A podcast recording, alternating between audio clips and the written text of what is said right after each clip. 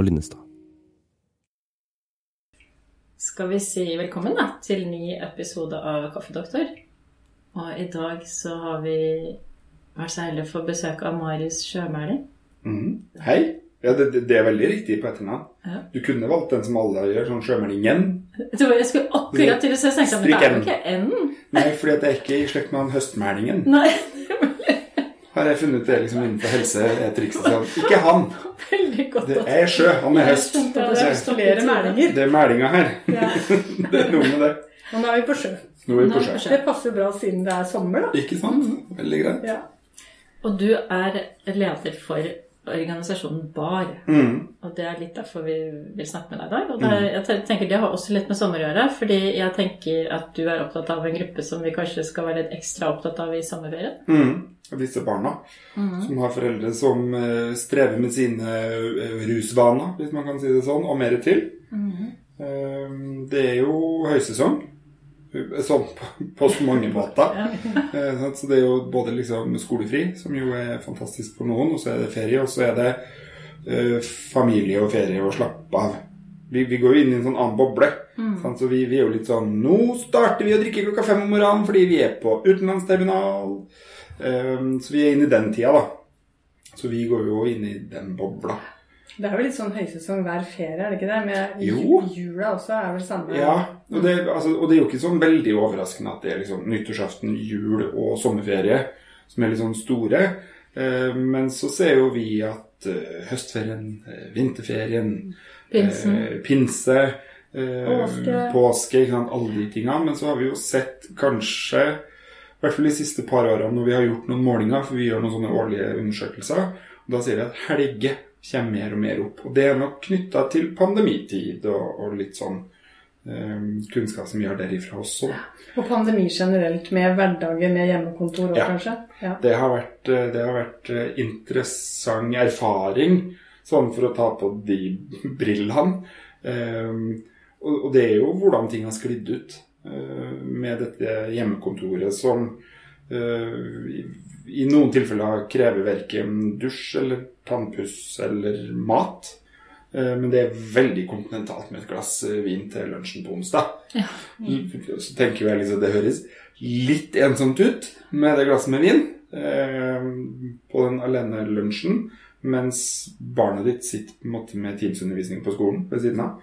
Eh, men, men det har vært realiteten for en del barn.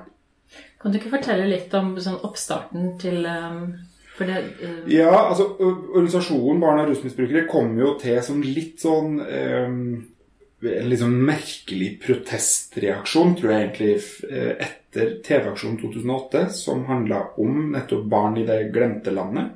Og Bare unnskyld at jeg bryter inn. Eh, Barn av rusmisbrukere, det er det BAR står for, ikke sant? Ja. Det er liksom forkortelsen BAR. Eh, veldig festlig når vi hadde den navnediskusjonen. Vi har den på nytt igjen nå, så det, det er litt sånn Man blir litt ødelagt av det. Men, men det, var, det ble veldig stille etter TV-aksjonen 2008, sånn som det gjør etter TV-aksjoner. Og vi var noen som hadde vært med der og formidla vår historie da, som kjente at liksom, alle har svikta oss på nytt. Og sant, syntes ganske sunt på seg sjøl og kjørte litt sånn fosterstilling og, og den biten. Eh, og så ble de litt sånn Ja, noen burde gjøre noe med dette. Eh, og jeg er jo en av dem som eh, da har litt lite offergen og litt for mye trang til å fikse. Så det ble litt sånn Men jeg har jo vært frivillig i organisasjoner i mange herrens år, for det er viktigere enn skole. Eh, Så jeg kunne Brønnøysundregisteret, jobba i frivillig organisasjon og tok initiativ til å stifte på nytt. Så protokoller som seg høre bør, ble sendt inn til dit det skal, og man fikk et organisasjonsnummer, og så var det å starte opp. Og da var det kun deg, eller var det flere? Da var vi flere som starta opp, men det var kun jeg som uh, sa opp min daværende jobb og fikk låne et kontor og en pult og en PC og en fasttelefon. Uh, vi fikk noen penger, kunne starte, og starta i et felt som da akkurat hadde fått barn som pårørende som lov. Eh, Den kom jo inn i spesialisthelsetjenesten spesielt, da, men i helsepersonelloven også, 1.1.2010. Så da skulle liksom alle plutselig snakke om barn som pårørende.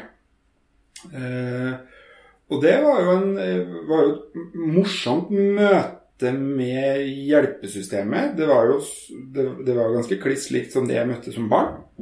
Eh, no offense, men en haug av godt utdanna kvinnelige hjelpere over 40. Med stort omsorgshjerte, som eh, også da eh, Jeg var jo noen ja, 26-27 eller sånn. Ble, ble møtt med sånn «Uff, Din historie! Å, du har det vondt! Og jeg sto der litt sånn Ja, nå er jeg her for å kreve noen rettigheter. Men du går an å bare putte inn nå. Kan vi få spørre deg litt om hvordan du hadde det da du var liten? Og hvordan, eller er det Mokk på. Ja, for at det er noe med å få kanskje litt bakgrunnshistorien Ja din. da.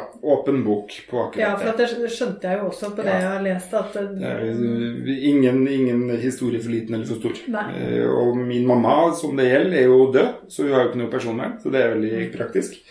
Uh, Og det, det mener jeg sånn, det er veldig praktisk. Det er jeg som på en måte forvalter ja. min historie, og, og for så vidt da hennes ettermæle. Fordi eh, hun var rusmisbruker både ja, Det er jo kanskje Ja. ikke så veldig viktig. Nei, altså hun eh, Det var heroin som var I hvert fall på en måte som var liksom det store før rusbehandling. Eh, og hun er jo da i denne generasjonen som hvor rusbehandling var kollektivbasert, opp på fjellet. eh, Og sosialtjenesten betalte det. Det var jo kommunen på 90-tallet som betalte dette. Så hun ble sendt eh, Det høres litt sånn brutalt ut, men det var sånn. Altså, jeg husker at hun liksom levende ble kjørt med en fra sosialkontoret opp på Renevangen oppe i Rendal. Det var den dagens pakkeforløp. Ja, det var den gangens pakkeforløp. Først det var to måneder på liksom stabilisering på Blå Korshuset eller et eller annet sånt. Eller ja, et eller annet med masse alkoholikere. Og fikk Dolcontin. Ja, Og det var ordentlig drittdop. Um, Jeg var jo åtte-ni når dette da skjedde i 93. Um, Men jeg husker at hun brølte gjennom telefonen til min bestefar, altså sin far. Den her driten her gir meg jo ingenting! Eh, og så la på, og så ringte jeg fem minutter etterpå og sa jeg er tom for Dolkontien, du må hente mer. Så det Lenge leve Dolkontien har jeg på en måte alltid tenkt på. Eh, dro på Renvangen, skulle være der i 18 måneder, og alle sa til lille Marius at mamma er syk. Og når jeg spurte syk hvordan da, så nei, hun er som syk, så hun må, hun må bort for å bli frisk. Og det at liksom familien din og hjelpeapparat og alle Alt. Ingen sa noen ting om hva det dreide seg om. Nei. Uh, bortsett fra på skolen. Uh, for der hadde vi undervisning om uh, at noen familier har foreldre som blir syke av noe vi kaller for kreft. Ja. Så min teori var at mamma hadde en spesiell type kreft. Hun måtte sendes bort. Eh, noen andre i klassen eh, mente at nei, mammaen din er narkis, og du er en horunge. Det blir man litt forvirra av. Ikke sant? Eh, men alt dette på en måte holdt jeg jo for meg sjøl. Fordi at jeg var redd for at hvis det stemte, så ville ikke bestemor og bestefar ha meg. Så, så en eller annen sånn tvista, rar tanke om at dem heller ikke veit, på en måte. Um, Da måtte du beskytte dem også, kanskje? Da måtte beskytte dem òg. Jeg kunne i hvert fall ikke si noe til mamma, for hvis det var sant, så kom jeg jo til å dø, for det hadde jeg sett på film. Eh, men så eh, skulle vi opp på første sånn besøkshelg. Eh, og da vet jeg jo hun hadde da vært i A-fasen, som det het. Hun hadde vært eh, 14 dager da i, i Lavo. eh, Avrusning, som det også heter. Sånt gjør man ikke lenger. Det tror jeg kanskje er greit. Eh, det var liksom rett ut i lavvotur i to uker.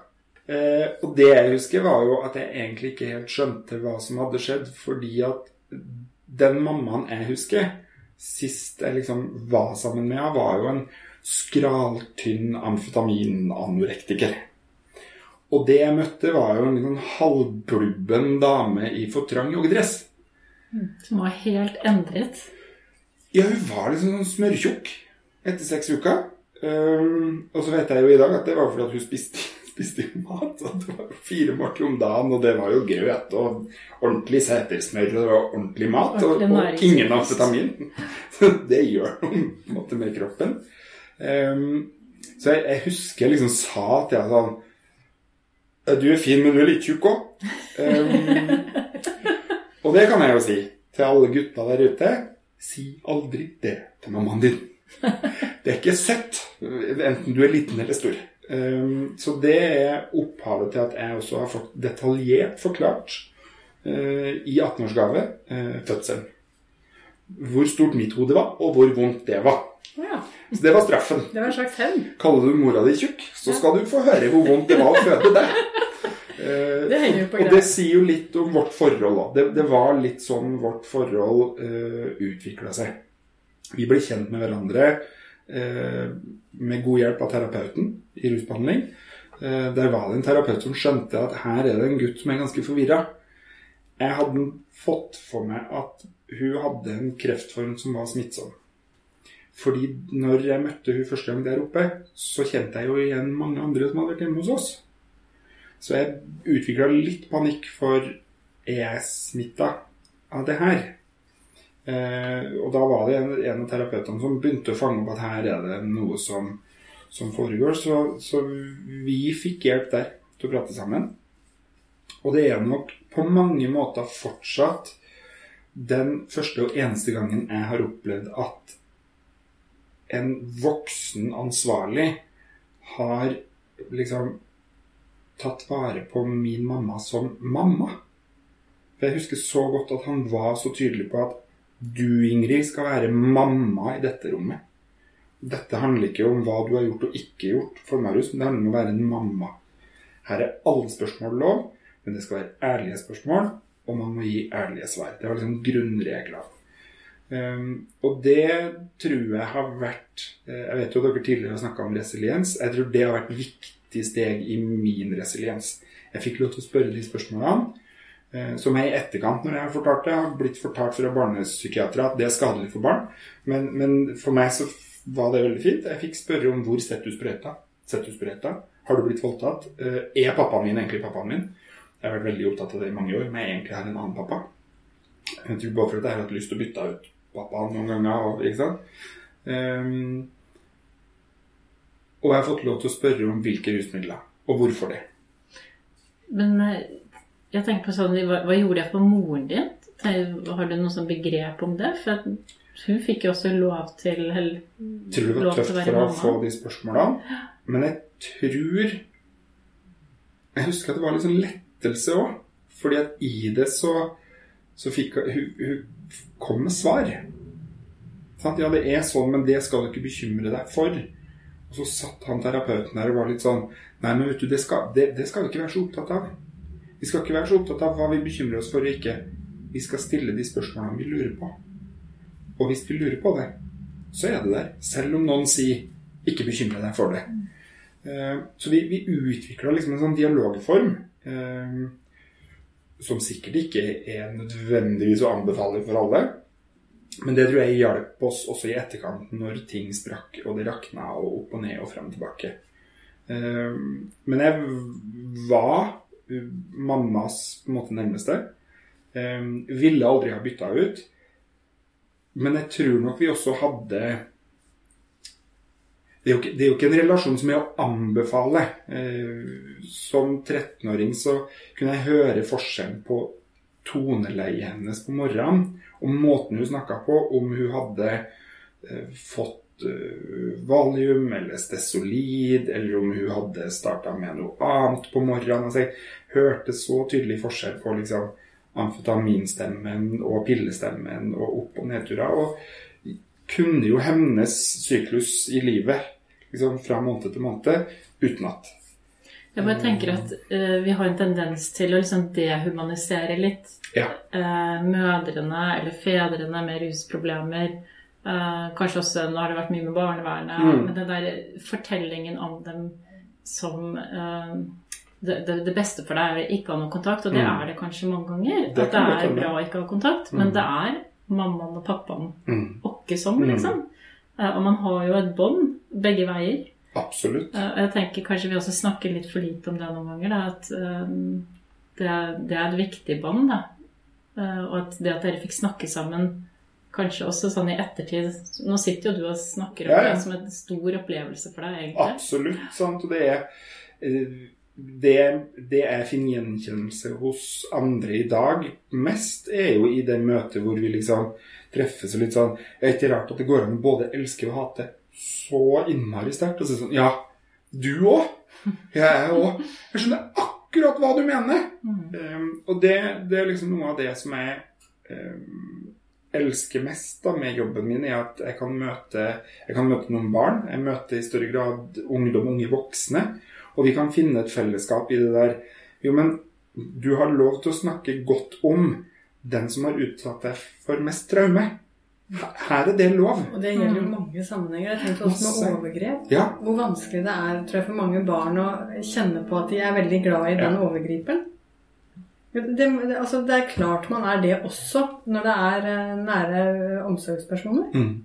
Det er, det og jeg tror at det det er lett å glemme i liksom hjelpesituasjonen. Eh, og det er derfor jeg, jeg blir nok litt sånn, fortsatt en dag i dag, litt sånn Ikke så trigga, men jeg blir sånn irritert når jeg liksom kan høre noen som har vært oppe og fortalt historien sin på en scene, og så hører jeg etterpå i snakket sånn Uff, ja, å, å, stakkars Nei, nei.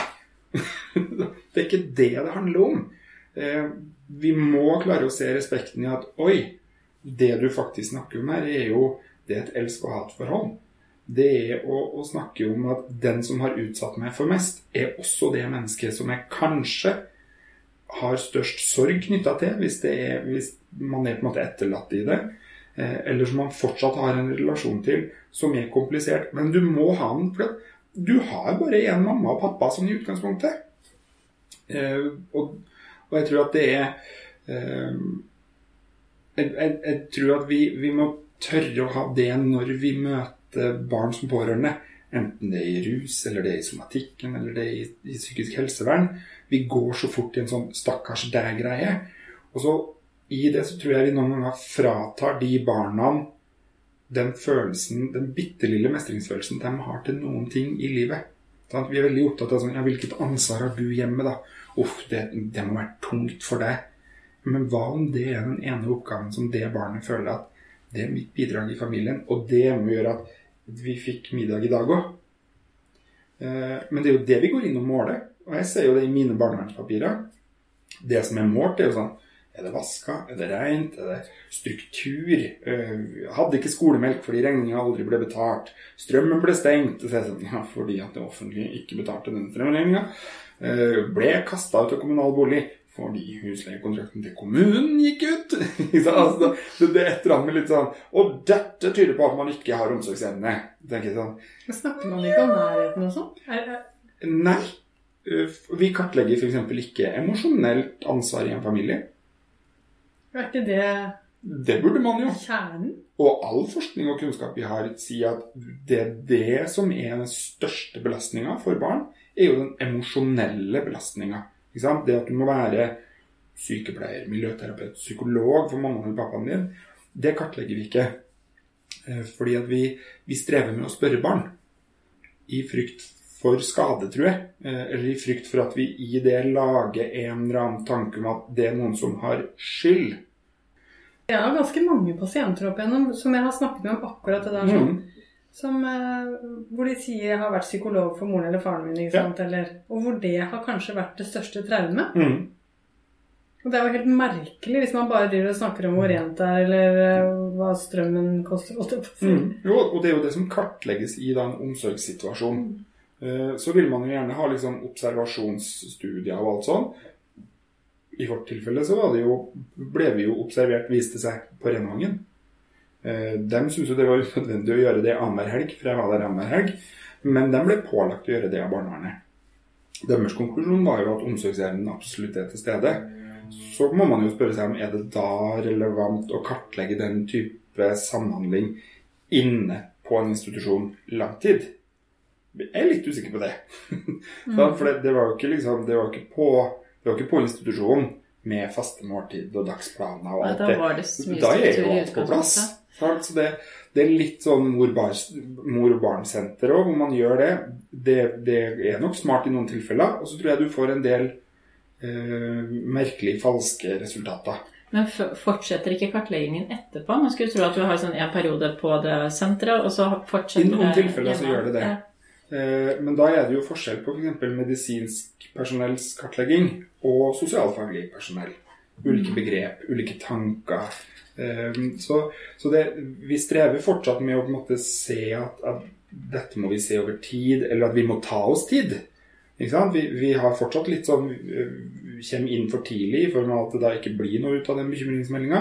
Eller man kommer inn for seint, hvorav barnet faktisk plutselig kan stå og si 'jeg burde vært flytta mye før'. Ja, på hva, du nevnte bekymringsmelding. Hva tenker du om hvem skal melde, hvem har plikt til å melde? Hva, hva skal vi gjøre, liksom? Skal, hva skal vi gjøre? Skal du gi et, råd sånn sett? Ja, um, jeg liker å starte med barnet. Uh, jeg skulle ønske at når vi, som da, og da mener jeg sånn vi som er voksen, på generelt grunnlag, når vi er bekymra for et barn, syns jeg vi skal gå til barnet først. Jeg er bekymra for det. Og så må må jeg, faktisk forklare for barnet hva jeg er bekymra for. Jeg tror altfor ofte, i hvert fall i profesjonelle sammenhenger, så hopper vi over barnet, og så begynner vi å bekymre oss for har jeg egentlig grunnlag nok til å forklare for barnevernet bekymringa mi. Eh, jeg opplever at mm, hvis man er ærlig med barn, er bekymra, så kan du få utrolig mye svar. Men, men, da vil du kanskje ikke si direkte hva du var bekymra for, men prøve å utspørre litt? Eller ja, sagt det rett ut? Jeg tenker, Det er litt forskjell på om det er en helt ny situasjon, eller om dette er noe som faktisk er Mer kjent. kjent. Ja. Uh, og altfor ofte så opplever jeg at når det er en litt kjent situasjon uh, og, og, dette er sånn helt reelt Vi har profesjonelle som ringer oss og helt hvordan skal jeg forklare lille Jesper at jeg har møtt på mor og far ute på byen, og det er med utpå igjen? Sånn, men du, du, kjenner disse ganske godt, eller? Ja da, ja da. Han har gått lenge til meg i samtale, ikke sant? Den har vært i behandling. Så, så hva med å si det til lille Jesper? Nei, da Å, for han vet nok ikke det. Eh, jo, det tror jeg. så, så det, det, jeg opplever at når situasjonen er litt kjent, så får vi enda vanskeligere det altså blir enda verre. Liksom, for da kanskje brister hele greia. Så glemmer vi at hvis vi bare sier det, så kan det hende at Jesper sier Ja, det er litt styr. Mm. Så, og da må man jo spørre seg hva gjør jeg da? Mm. Jeg tror vi må, vi må øh, Hvis vi skal ha øh, Hvis vi skal komme dit at barn som øh, har det vanskelig, lettere kan åpne seg, så må vi starte med oss sjøl og si 'Jeg er bekymra for det'. Ja, hvorfor det? Jeg er litt usikker. det er noe i meg som skurrer. Og det skurrer såpass at jeg faktisk har tenkt på det i helga. Og lurt på åssen du har det. Mm. Jeg har lurt på om du har fått mat, eller jeg har lurt litt på åssen har påska di vært. Jeg har lurt litt på åssen det går med, med dere hjemme. Ikke sant? Vi må starte der. Ehm, for altfor ofte så hører vi fra barn og unge at de, de merker blikkene, men det er ingen som sier noe. Og det tolkes ofte som det er ingen som bryr seg. Og så kanskje går liksom, og så blir det en kjempesak i noen tilfeller. Og så kommer det masse voksne som da plutselig sånn 'Jeg har vært så bekymra. Jeg har vært så bekymra så lenge.' Og så sånn 'Ja, men vi har bekymra oss.' Ja, men dere har jo ikke sagt noe. Og, og, det er faktisk det som går igjen i de fleste fortellingene. Eh, mange visste, ingen sa noe. Så vi må begynne å liksom si noe. Og så er jo jeg jo kommet dit i livet at jeg er såpass voksen at jeg syns andre voksne mennesker er skummelt. Så jeg er jo litt redd noen ganger for hvis jeg sier noe nå, får jeg en sint mamma eller pappa. Og så prøver jeg å huske Men jeg er jo voksen og kan låse døra mi. Så jeg må faktisk tåle det. Jeg kan ta et valg. Jeg, jeg kan ringe politiet hvis dette blir for mye. Ehm, så jeg må faktisk melde den bekymringa. Men, men, jeg prøver alltid å tenke jeg må snakke med den jeg er bekymra for, først. Så det er egentlig morsomt at du sier, for at eh, av alle de barnevernssakene jeg har vært borti, så kan jeg nesten ikke komme på et eksempel der den som har meldt bekymring For jeg har vært borti ganske mange saker hvor det er sånn barnevernet ber om opplysninger fordi de har fått en melding fra noen, mm. eller fordi de, det er jo alltid et eller annet mm. sånt, så kommer de til fastlege og skal ha informasjon, ikke sant. Mm. Jeg sliter med å komme på et, et eneste eksempel hvor eh, de personene som har meldt bekymring, har snakket med barnet først. Mm. Jeg kan ikke komme på det. Nei. Vi har altså rusbehandling i Norge hvor de i utgangspunktet har holdt på med familiearbeid i haugevis av år som fortsatt er litt sånn Nei, vi strever med Vi, vi har ikke fått systematisert sånne barnesamtaler. Vi har ingen kompetente. tenker jeg, Nei, men dere skriver samværsrapporter som er milelang til barnevernet. Men dere kan ikke ta samtalen med barnet som er på besøk. Så, så vi har lagd en eller annen sånn Disse barna, de er så sårbare. så vi er livredde for at de skal knuse. Men er det også litt som, sånn Jeg vet ikke Det har jo også skjedd at man har hatt samtaler med barn, og så har man ikke fått riktig informasjon. Og så er man Mm. kanskje redd for å sette i gang en mølle på Mm. riktig grunnlag, og så Mm. blir det store konsekvenser og eh, mye styr ut av det. da, Sånn at man eh, føler litt på den der Mm. Gud, hva, set, setter jeg i gang noe nå som jeg ikke vet konsekvensen av? Men jeg, jeg lurer på om vi kanskje noen ganger har tillagt barn en forventning om at hvis barnet sier alt er ikke ok, så skal vi fikse alt. Da skal vi sette i gang en hel mølle.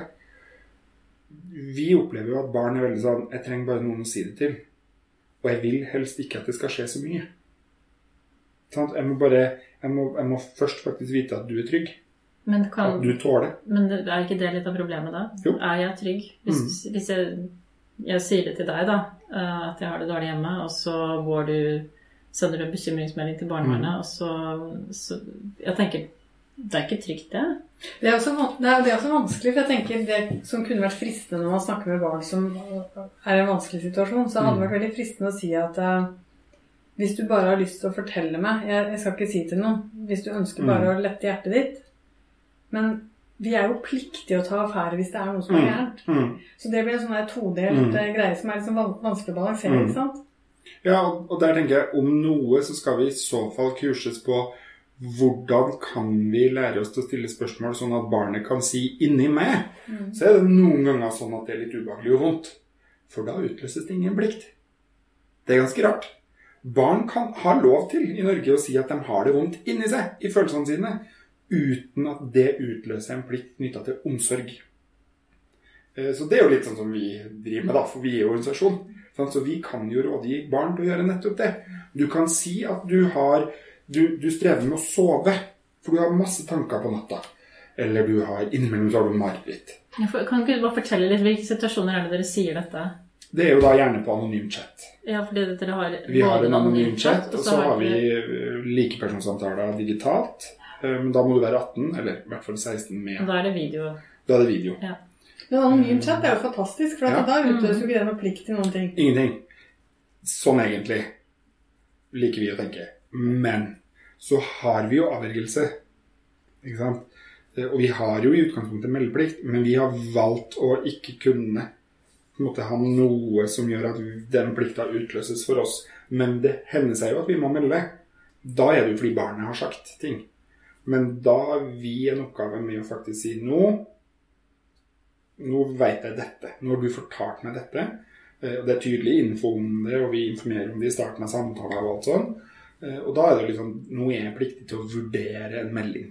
Eh, Og da gjør vi en vurdering. Ja, for da gjør dere på en måte Dere legger premissene, da. Så dere sier Ja. at det er sånn og sånn når du snakker til meg, sånn og sånn sånn, sånn så behøver jeg ikke melde. Mm. Men hvis jeg får informasjon sånn og sånn, så må jeg gjøre Hvis noe det. med det. sier at du heter eh, Lise, og eh, læreren din heter Linda, og du går i klasse 10B på den skolen, og du forteller meg at pappa gjør sånn, eller mamma gjør sånn, da har jeg nok til at jeg kan melde det til en barnevernsvakt, og de kan faktisk finne ut hvem du er.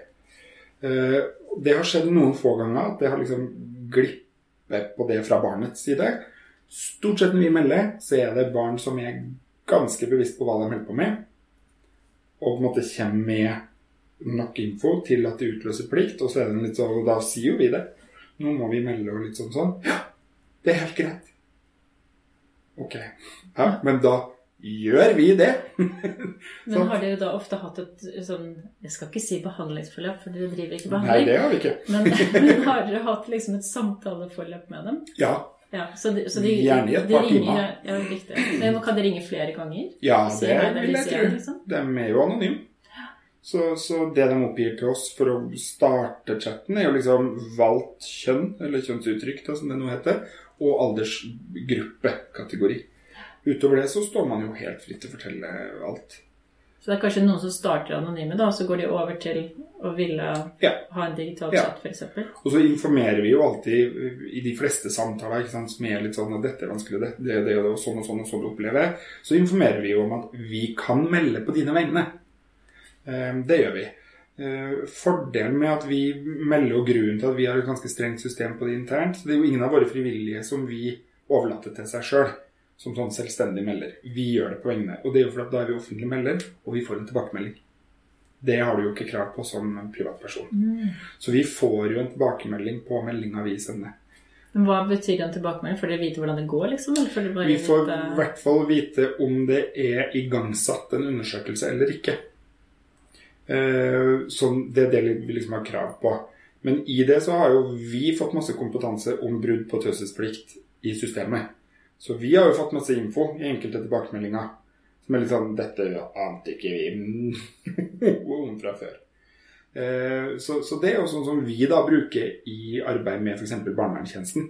Liksom dere må dere må bli flinkere på disse tilbakemeldingene.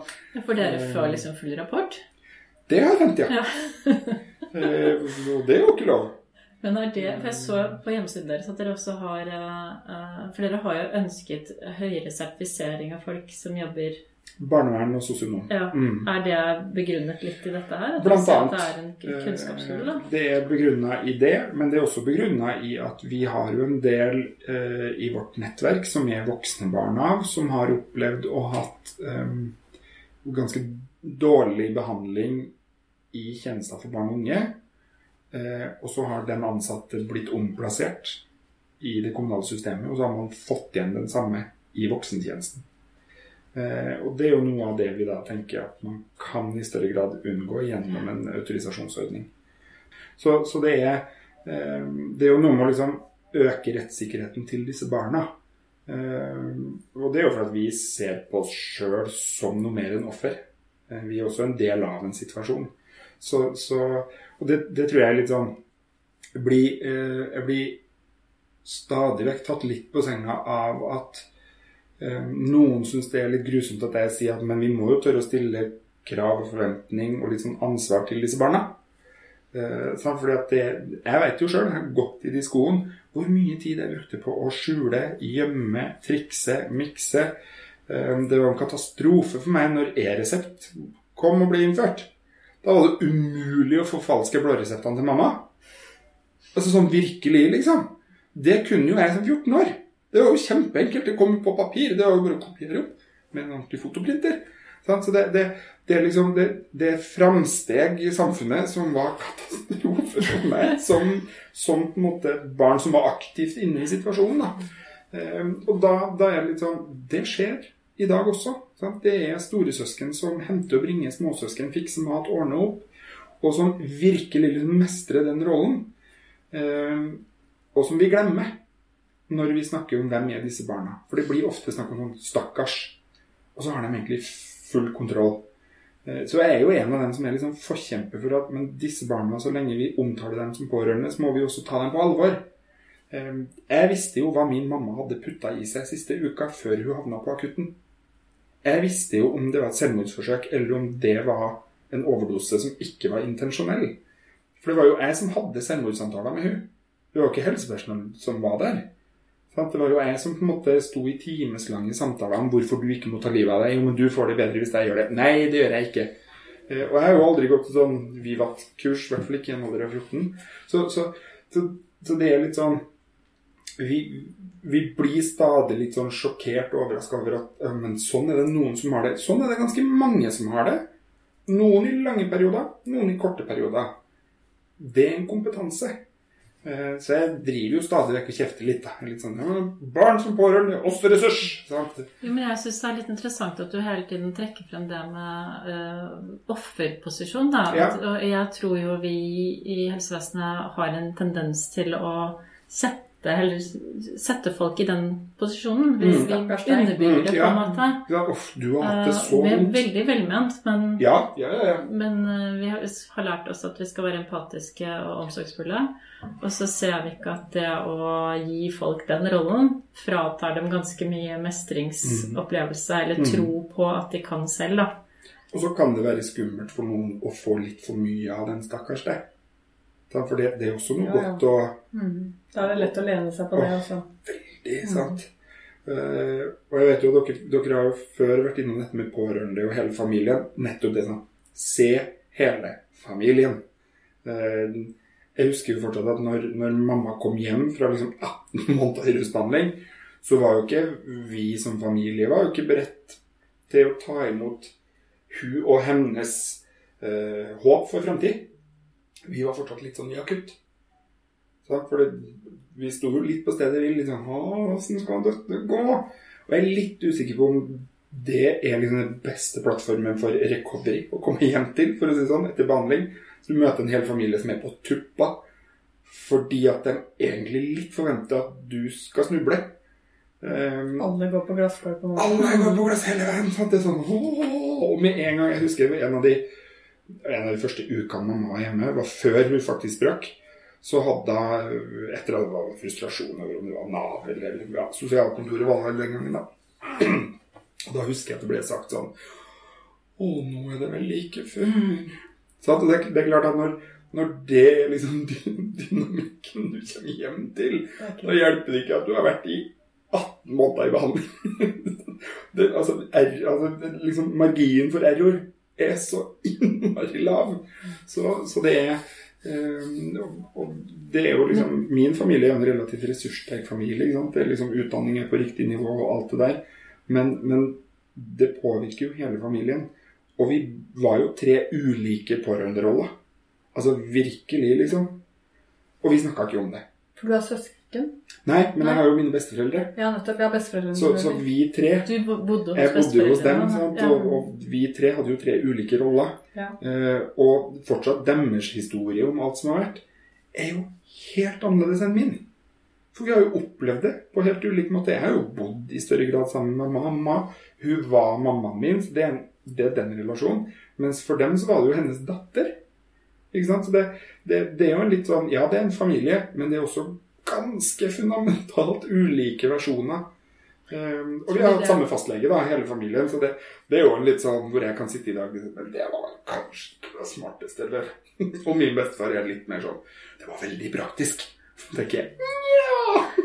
Ja, for det driver jeg hele tiden. Snakker det så godt om. Snakker veldig varmt Ja, om det. ja. ja. det er fint å ha hele familier. For at jeg tenker at jeg får så innmari mye sånn Jeg får så veldig mange inngangsporter til hvordan folk har det Det får man jo. Det gjør man jo, men Ja. det blir kanskje ikke helt sunt likevel, da.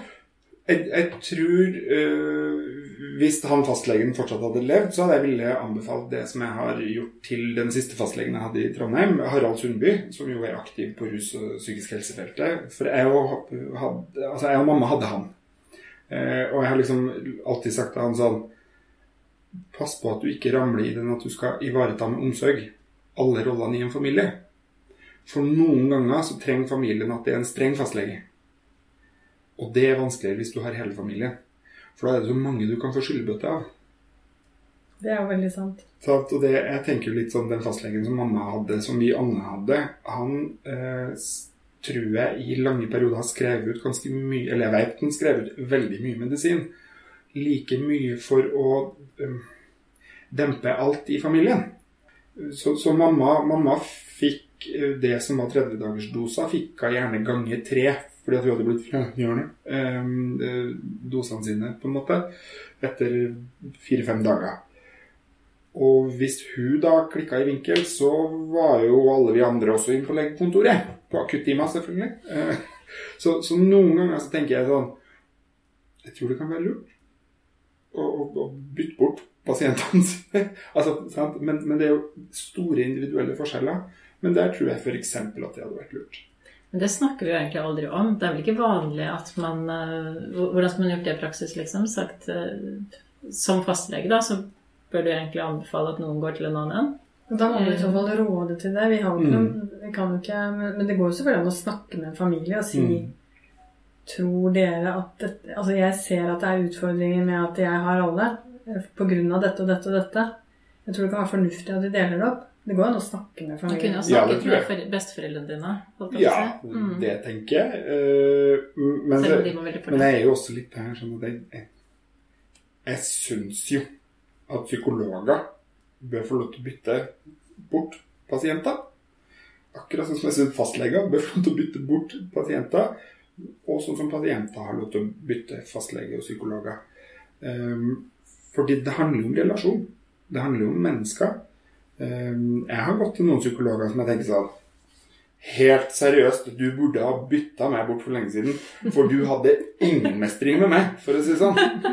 Det kan vi i hvert fall enes om. Jo, jo, og, det mener jeg virkelig med sånn alt godt i hjertet. Men, men det er eh, Som pasient så, så er det ikke alltid at man i den relasjonen tenker mest rasjonelt. Eh, og, i hvert fall jeg som har liksom, eh, erfaringer fra pårørendesida, det er ikke alltid at vi som pårørende tenker rasjonelt. Verken når det er akutt, eller når det er rolige perioder. Eh, Og da trenger vi noen ganger noen som faktisk tør å si med all faglig forsvarlighet som mener dette er riktig, så jeg har tatt det valget. Så jeg blir hindra i mitt faglige utøvelse. Det gjør at du eller dere får dårligere tjeneste. Så dere er ikke ute på det åpne markedet, men dere er faktisk flytta over til en helt konkret annen ansvarlig. Eh, Det skulle jeg ønske at gikk an. Og så skjønner jeg at det er kjempekomplisert. Huff, og, og noen kan bli krenka og alt sånn. Eh, Og det er alltid en fare for at da blir en pasientgruppe stadig bare flytta rundt. Den ser jeg også. Men, men kanskje det man skulle hatt litt trening i, da. Men hvis du, skal, hvis du nå tenker tilbake igjen til sånn oppvekst eh, Jeg skjønner at det er så eh, Det blir et veldig komplisert eh, og omfattende spørsmål, men eh, går det an å peke på noen sånne enkeltfaktorer som du tenker Hadde bare den sagt det, hadde bare den gjort det, hadde jeg bare hatt det tilbudet Går det an å si noe litt sånn sammenfattet om det, tror du? Um, jeg jeg syns ikke så enkelt å peke på hva som nødvendigvis mangla. Det er fordi jeg har valgt for en del år siden å bruke mindre tid på det, og heller være nysgjerrig på hva som har funka. Så det jeg kan si, da, det er Ja, så kanskje du egentlig kan si hva som har funka. For Ja. Kanskje det er et like greit spørsmål. jeg, jeg summerte meg opp en gang til at jeg har hatt rundt 37 ulike lærere eh, på de tolv årene jeg har gått på skole. Jeg har jo ikke fullført, sant? så derfor er det jo bare pingla å fullføre. Eh, og av de 37 lærerne så er det sånn oppriktig det er én lærer som har betydd enormt mye. Hadde den læreren i tre år. Eh, uten den læreren så hadde jeg aldri begynt på videregående. Da tror jeg jeg hadde droppa etter barneskolen. Eh, og det var måten jeg ble møtt på. Takk for at du kom, i stedet for er du klar over hvor forsinka du er. Eh, og det var visste noe om hvordan du hadde det. Ja, hun visste litt, men hun visste nok ikke hvor mye jeg løy. Sant? Og, og, og som var faktisk opptatt av det at eh, hvis du kommer på skolen, så får jeg en mulighet til å hjelpe deg med å tilrettelegge. Hvis du ikke kommer, så er det bare fravær. Ehm, Tenker du at de andre lærerne du har hatt, også egentlig var klar over at noe var galt? Eh, Mange av dem har vært det. Eh, Jeg vet veldig godt at den ene opplevde at jeg og mitt var et stort problem. Eh, Fordi at jeg var en dårlig innflytelse på andre i klassen. Eh, Så da var det uromomentet, punktum. Ja. eh, Skylapper på. Ja, og det, det står også i rapportene til barnevernet. eh, Hvor, hvor skitne og hullete klær jeg har. Dette var altså på starten av 90-tallet, hvor du skulle ha hullete jeans. Sant? La oss ikke glemme fashion i dette. Han har ikke nok huller i buksene sine. Hadde bare vært det, på en måte. Så, ehm, så, så det jeg sitter med, er jo liksom sånn Det var en lærer som uh, brydde seg, og som ikke ga seg. Men som heller ikke liksom pusha ikke på heller. Men, men jeg fikk en mulighet til å liksom ha et rom hvor jeg da kunne um, Altså sånn abstrakt rom. hvor jeg kunne uh, være ærlig og si at det har vært et enormt kaos i helga. Så dette har jeg ikke fått gjort. Så jeg kunne være ærlig. Og du følte at du kunne tørre det på, uten at det medførte noe du ikke ville? Ja. For du var vel også redd for å avsløre mor- moren din, på en måte? Ja, men jeg visste veldig godt at jeg ikke kunne si for mye. Eh, For da ble det barnevern. Var det du sa akkurat passe? Sa akkurat passe. Og jeg, jeg leste hennes ansiktsuttrykk hvis jeg begynte å nærme meg en altså, hva- En av annen bekymringsrynke hun hadde som jeg var sånn Men det går fint! Ikke lenger. Ikke lenger. Men, men det var jo det jeg trengte. Så Du var jo bare- utrolig god på å lære ansiktsuttrykk. Ja, herregud. Altså, det er jo det er, en, det, er en, det kunnskap. Det er også en form for traume ja, som har vært der måte, i mange år. Hun var viktig. Psykologen som jeg starta hos i barnevernet, øh, viste seg til syvende og sist å bli veldig viktig. Uh, det var kanskje enda skumlere. Hadde aldri gått dit hvis det ikke var mamma som sa du må ha en å snakke med. Du må ha en å lufte deg til. Um, så jeg begynte hos han. Um, han var dønn ærlig. Helt clean på. Jeg jobber i barnevernet. Jeg må skrive ned alt som blir sagt. Uh, det er allerede en barnevernssak, uh, men jeg veit at du flytter fram og tilbake mellom mamma og bestefar. Men det må du være klar over. Ok. Strålende. Ble mye enklere når han slutta i barnevernet og skulle bli spesialist, selvfølgelig. Uh, men da var det en kamp for å få lov til å beholde ham, for at barnevernet skulle fortsette å betale. Og så fikk vi til det i et samarbeid. Ehm, så han hadde jeg frem til jeg ble 18. Ikke veldig ofte i perioder. Det kunne gå et halvår og mer til. Men jeg hadde en jeg kunne si nå også, men det er jo kontinuitet. Jeg skulle ønske det var mye mer sånn i helsevesenet. Liksom, vi, vi, trenger ikke å se hverandre hele tiden, men jeg vet at det er deg jeg skal til når det skjærer seg. Og det funker så bra. Ja. Det er helt fantastisk. Det jeg har ikke hatt noe med BUP å gjøre. Så det var aldri snakk om diagnoser. Ingenting. Før jeg ble 17 og 364 dager og måtte på en vurderingssamtale på DPS. Og fikk altså en spesialsykepleier, eller hva det heter, psykiatrisykepleier eller noe sånt kan hele hennes livshistorie. Jeg veit hva sønnen hennes holdt på med. Så jeg fikk ut all info. Fortalte om mareritt og håp og drømmer. Drit og lort for framtida. Eh, akkurat innafor at jeg visste at du får ikke gjort noe med dette. Fikk et brev tilbake i posten om at jeg var innskrevet som dagpasient inntil ti konsultasjoner grunnet PTSD. Veldig gøy i en alder av 18 og måtte google PTSD. Da får du ganske mye rart. Og den gangen var det liksom sol.no og startsiden var den store nettsida. Så det sånn Så skal da, ja. Um, var det så gærent? det var så gærent. Så det ble vel med to timer, og så avslutta jeg det. Uh, så det står jo da i min barnevernsmappe som brutt behandling. Mm. Som òg er litt interessant, for jeg visste aldri at jeg var i behandling. Nei, Og da får du i hvert fall ikke hjelp noe mer. Nei da. Altså, Pasienten har brutt behandling. Ja, ja, ja. Har ikke rett til noen gang i denne Jeg skjønner fortsatt ikke hva jeg skulle. Uh, men, men, det er klart at det å ha en psykolog som jeg i hvert fall kunne ringe, det å ha en lærer som jeg hadde i tre år, som var liksom tre viktige år, siste året på barneskolen og to første på ungdomsskolen, um, og det å ha en mamma som jeg kunne være ærlig med Um, og som var der ved første kjærlighetssorg og første seksualpartner. Som, som, på en måte hadde gitt opp kampen om å være den moralske høyborg. Og som var litt sånn Men du, må vi ta hele samtalen om bruk av gummi og beskyttelse? Sånn, Nei, det må vi absolutt ikke. For jeg har ganske mange historier. Sånn, altså, litt sånn. Og som satt og liksom damprøyka hasj og liksom Du må aldri begynne! For du vet ikke hvor det stopper. Men hvis du skal gjøre det, så må du si det til meg, for jeg har noen tips og triks til å overleve. Jeg bare, herregud. Så altså det, det, ligger mye forebygging i det òg. Ja. Uh, og så ble jo hele verden glad når jeg var 14 år og meldte meg inn i Ung mot narkotika. selvfølgelig. Da var det jo ingen bekymring lenger. Uh, så det står som et sånn checkpunkt at jeg er ferdig forebygga i, i barnevernsmappa. Uh, og så har jeg jo aldri vært en gutt som har utagert med temperament det tror jeg har skåna meg for mye. Ehm, for det gjør at det har aldri vært et atferdsproblem. Man tåler uro utrolig mye bedre når det ikke er utagering. Ja. Sånn, så klovn, snakker høyt, snakker mye, sliten med konsentrasjon, alle de tingene. Ja. Men så lenge det ikke er aggresjon. Um, og så har jeg hatt noen sånne viktige, betydningsfulle mennesker Uh, og det har, uh, kan jeg jo i dag si, det har jo ikke vært takket være barnevern.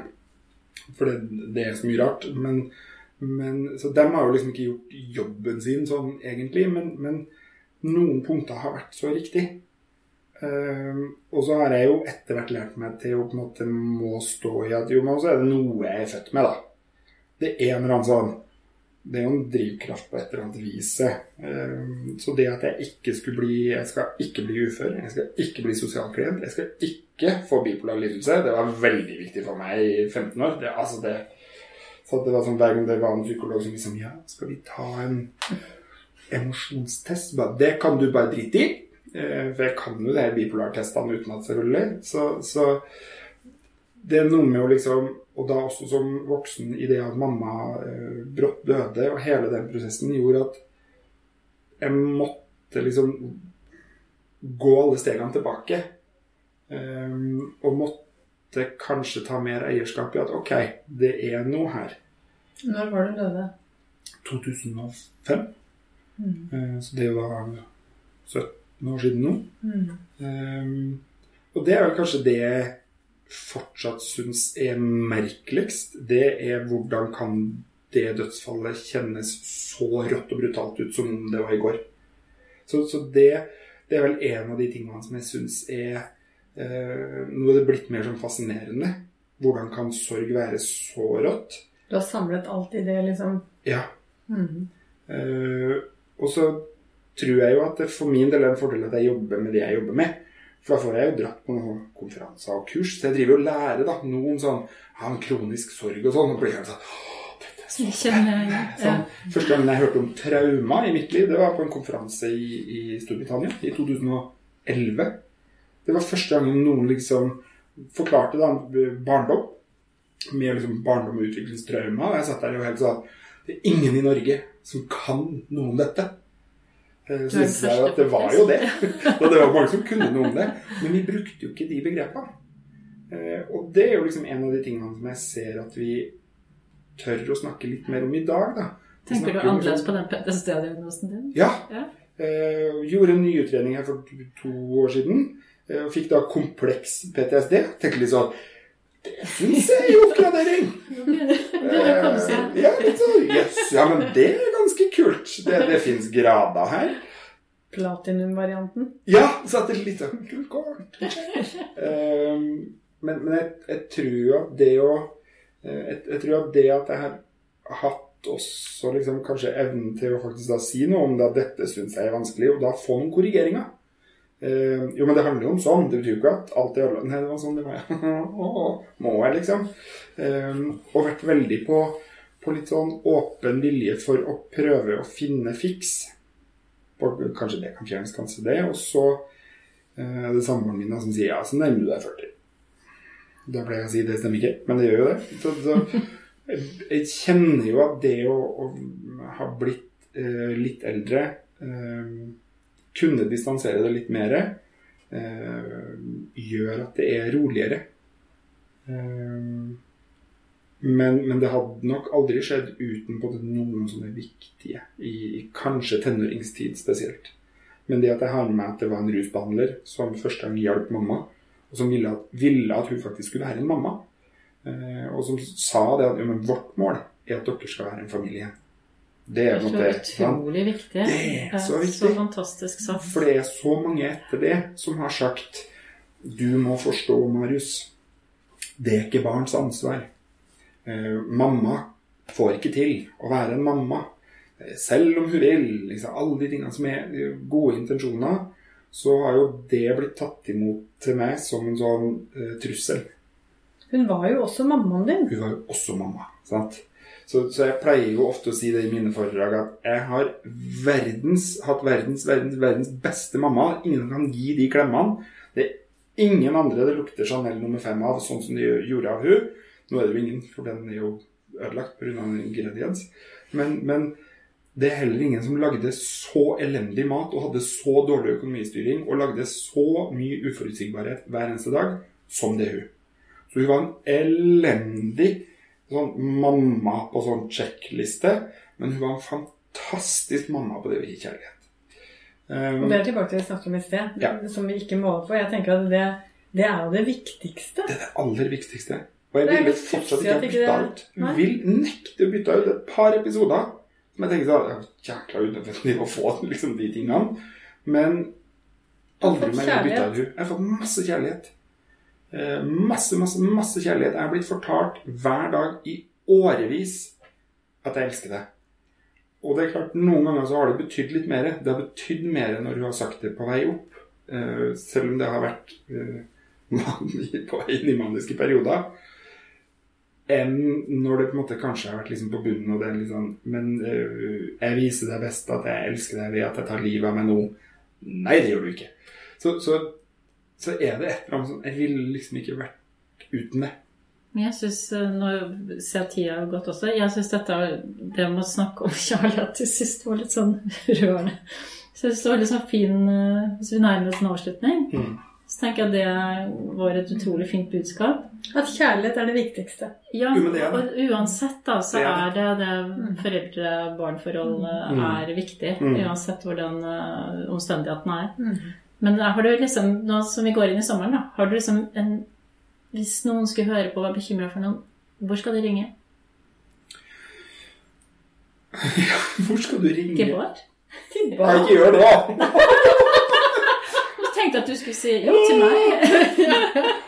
Ah! Um, hvis noen er bekymra, så syns jeg de skal våge å si det til barnet, men også til forelderen. Um, jeg, tror, jeg, jeg kan ikke huske at mamma har vært sint en eneste gang fordi noen har sagt at de er bekymra. hun har vært sint for mye annet, men akkurat den er bekymra for hvordan det går med dere, det har aldri utløst et sinne. Så er du bekymra, si det til dem det gjelder. Og del bekymringa di med noen du stoler på. Med eh, en venn, en partner, eh, en kollega, ikke minst. Fastlegen. Fastlegen. Eh, vi, vi anbefaler ofte fastlegen til spesielt ungdom som er bekymra for foreldrene sine, gjerne når de da ikke bor sammen. Og litt sånn, man har kommet hjem og sånn mye alkohol, og bla, bla, bla, for det er jo mest alkohol det er. Da er det sånn, Men du vet at du kan melde bekymring til fastlegen. Kom til meg. fastlegen kan ikke si noe. Nei, men du kan melde din bekymring til fastlegen. Og fastlegen har ganske mye makt. Hvis det er ordentlig ille, så kan fastlegen gjøre ting som på en måte, ingen andre kan. Her og nå akutt. Men, men vi må ha liksom fastleger. Det er en alliansepartner. Det, det er en kjempeviktig rolle som er der. ehm, og som er totalt undervurdert. Eh, så, så vi er nok med å liksom øke ventelista hos en del. men, men, det, men det er fordi at masse ungdom heller ikke vet at de har en fastlege. Så, så det starter jo ofte der sånn. Men, men du kan lufte bekymringa til en fastlege, og fastlegen kan lytte til din bekymring fordi du også er pasienten. Uten at det betyr at ja, men da går det med en gang til barnevern. Nei. Du, du kan lufte bekymringa di om helsetilstanden til mammaen eller pappaen din. Um, men, men først og fremst åpne opp om den bekymringa. Det syns jeg var veldig fine sluttord. Det syns jeg også. Vi konkluderer med at kjærlighet er viktigst, og at vi trenger fastlegen. Yes! Kjærlighet for fastlegen! Det er sånn. Da endte vi der. Og Så takk til deg da, Marius.